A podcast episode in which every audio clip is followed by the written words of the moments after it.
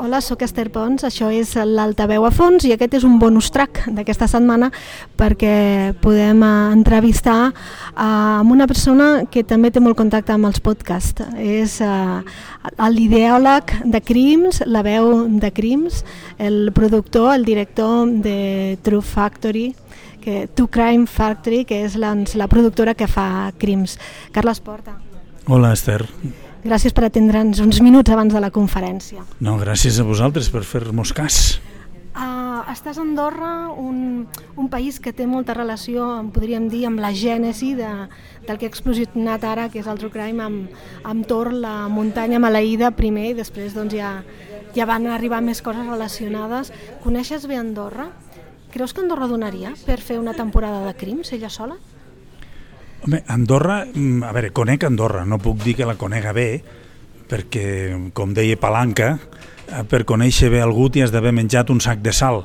I jo bé, he menjat moltes vegades Andorra, però no conec molt bé Andorra. La conec, però no conec molt bé Andorra. Home, mm, no sé si donaria, perquè nosaltres fem molts crims, en necessitem molts, i a Andorra no n'hi ha molts de crims. Jo crec que Andorra si una, té moltes virtuts, però una que té és que no és una, una societat molt criminal dir, està infinitament per sota dels índexs de criminalitat de qualsevol país d'Europa. Per tant, costaria, costaria. Segur que d'històries potents i interessants n'hi ha, i n'hi ha moltes, però per una temporada de crims potser costaria. Eh? Per un capítol? Un capítol segur, segur, perquè n'estem treballant dos o tres que tenen a veure amb Andorra, que no sé quan els emetrem, eh? però alguns segur, segur, però també heu tingut algun crim xulo. Xulo narrativament parlant, eh? Sí, Cuidado. sí, que s'ha de vigilar una mica, que quan diem xulo no vol dir que el crim sigui xulo. No, no, em que... refereixo a narrativament parlant. Mm. Sempre ho heu dit, no? que vosaltres expliqueu històries. Per tant, són crims resolts, tot i que no tots. Sí, a veure, el nostre objectiu és, com tu dius, explicar històries. Nosaltres som narradors. Observem què va passar, busquem detalls i intentem explicar una història que tingui allò tan simple d'introducció, nus i desenllaç i que faci que la gent estigui atenta i entretinguda durant una hora. Eh, sí que és veritat que en aquest viatge hem topat amb casos com el cas de l'Helena Jubany, que mm, indirectament vam ajudar a que es reobrís, o bé el cas de la noia de Portbou, que vam aconseguir trobar el nom de la noia després de 32 anys, una noia que havia aparegut penjada a Portbou. Mm, bueno, diria que són, en certa manera, un punt una mica accidents, una mica casualitat, perquè no és el nostre objectiu. Nosaltres intentem no fer casos no resolts, intentem fer casos jutjats i sentenciats, perquè el nostre objectiu és senzillament explicar històries que ja van passar i es van jutjar. I amb això ja tenim molta feina, moltíssima. Mm. Perquè com és el procés de triar un cas entre Crec que veu comentar vosaltres mateixos que a Catalunya, que de moment és on us heu centrat, hi ha una mitjana d'uns 40 crims l'any. Hi ha anys dolents, amb més, i altres amb menys. Sí. Però no us centreu només amb els que passen ara, perquè com que justament busqueu que, que ja estiguin jutjats, a vegades retrocediu bastant en el passat. Com, com trobeu aquests crims que serveixen per fer un capítol? Mira, nosaltres tenim tres elements bàsics que ha de tenir un cas perquè el puguem incorporar dins d'una un, sèrie de crims, no? que és, primer, que hi hagi girs narratius, que hi hagi canvis de guió.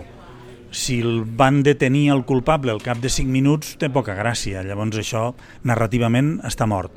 Per tant, ha de tenir girs de guió Després hem de poder trobar documentació, tant accedir al sumari com trobar documents i sobretot àudios o vídeos mm, relacionats amb aquell cas. I el tercer element molt important és que puguem trobar protagonistes del cas, des de familiars directes de la víctima fins als policies que ho van investigar, el jutge d'instrucció, el forense, gent que va participar directament en aquell cas. Si es compleixen aquestes tres condicions, ens plantegem fer el cas per crims, si no és complicat. Quin seria el moment més crític? A l'hora de trobar la documentació, trobar el cas, convèncer les víctimes o els testimonis perquè participin? Sí, això que tu dius és ben cert. A veure, és, tot és complicat, perquè eh, trobar documentació mm, és molt complicat, perquè hi ha molt poca transparència i a més a més hi ha molt poc hàbit de les institucions i les entitats investigadores a guardar el material. És, és, és trist, però és així, és una realitat. Els americans ho graven tot. Mm, a les nostres societats no es grava gran cosa, costa molt. Després, el que tu deies, convèncer a les persones directament implicades perquè parlin és molt difícil. Perquè els que realment tenen coses importants a dir són els més discrets o els que tenen més reticències a parlar. Nosaltres ara tenim la sort de que, com que han vist que no fem morbo i que som gent molt sèria, cada vegada accepten més parlar amb nosaltres. Però bueno, és un compendi, eh? quan una cosa no funciona per aquí, no funciona per allà. És molt complicat. Per això fem pocs capítols de crims. Per la gent en voldria més, però és que costa molt fer un capítol de crims i per això necessitem temps. Heu dit que pot ser un any, un any i mig fer un sol capítol. Sí senyora, és que quan nosaltres comencem a investigar un cas, tu no aixeques un telèfon i se't posa tothom a l'altra banda, va? tu ets periodista, tu saps que això t'ho fan els polítics sovint, però la resta de gent que són els més interessants costa molt que, que et contestin i fins i tot que et rebin o que et facilitin, et facilitin informació, tot això és molt complicat. Per tant, un any no mos el treu ningú un any i mig és molt normal. Hi ha casos que hem tardat dos anys. Hi ha casos que fa tres anys que els tenim al rebost, madurant, treballant, esperant resposta d'algun dels participants. I tot això requereix temps. És que el que nosaltres fem és una cuina molt artesana i a foc lent. No és fast food. Jo crec que una de les raons per les quals tenim èxit és perquè els nostres productes estan molt elaborats, molt treballats, molt pensats, molt reposats, i això requereix temps. Feu diversos formats, perquè tenim, vam començar amb ràdio, televisió, llibres, el podcast eh, és la ràdio, bàsicament, simplement que podem consumir-ho doncs, quan ens vingui de gust. En quin format et quedes? Mm, a veure, mm, jo sempre dic que prefereixo el llibre perquè només he de discutir amb mi. Mm, clar, a la ràdio ja tens un equip i a la tele l'equip és gegant M'agraden tots, és evident que m'agraden tots, i cada un té les seues coses. No? El llibre és una relació eh, íntima amb, amb el lector, al qual li demanes un exercici d'imaginació més gran que en cap altre format. Amb podcast o ràdio la connexió també és molt íntima, però ja li dones tot una mica més mastegat i saps que aquella persona fa un acte voluntari d'estar amb tu una hora i amb tele saps que és dimensió la tele és una multiplicació molt gran de gent. Estem tenint unes audiències eh, tremendes, enormes. Això no m'ho hauria imaginat mai de la vida.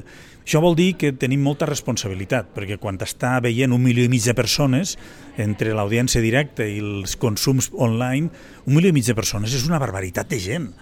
Això tens una responsabilitat molt gran. Vol dir que cada frame, cada segon, cada frase, l'has de medir molt i això és molta responsabilitat, però bueno, és igual, jo em trobo molt a gust amb tots. Si m'he de quedar amb un i jubilar, llibres. ja, però no en teníeu prou perquè ara salteu a Espanya, amb Movistar, i fins ara, o no, no sé si heu començat o no, un, per una banda és recuperar els que ja heu tret, però també us plantegeu el repte de començar a fer crims fora de Catalunya heu començat, no heu començat i la idea és com m'ho plantegeu, no? perquè suposo que es multipliquen les dificultats també al sortir. Sí, perquè hem de tornar a començar de zero. Una de les coses més complicades és convèncer policies, testimonis, protagonistes, de que tu no ets com la majoria, que no vas a treure'ls més sang, que no vols fer morbo, això és una feina molt complicada que hem de començar de zero i ho estem fent. Sí, hem firmat amb Movistar Plus i segurament dins del 2023, però això ja depèn de Movistar Plus, hi haurà un, un inici de sèrie que segurament es dirà Luz en l'oscuritat i que presentaré jo i que serà una evolució de crims perquè n'hem après i ara crec que farem una cosa una miqueta millor.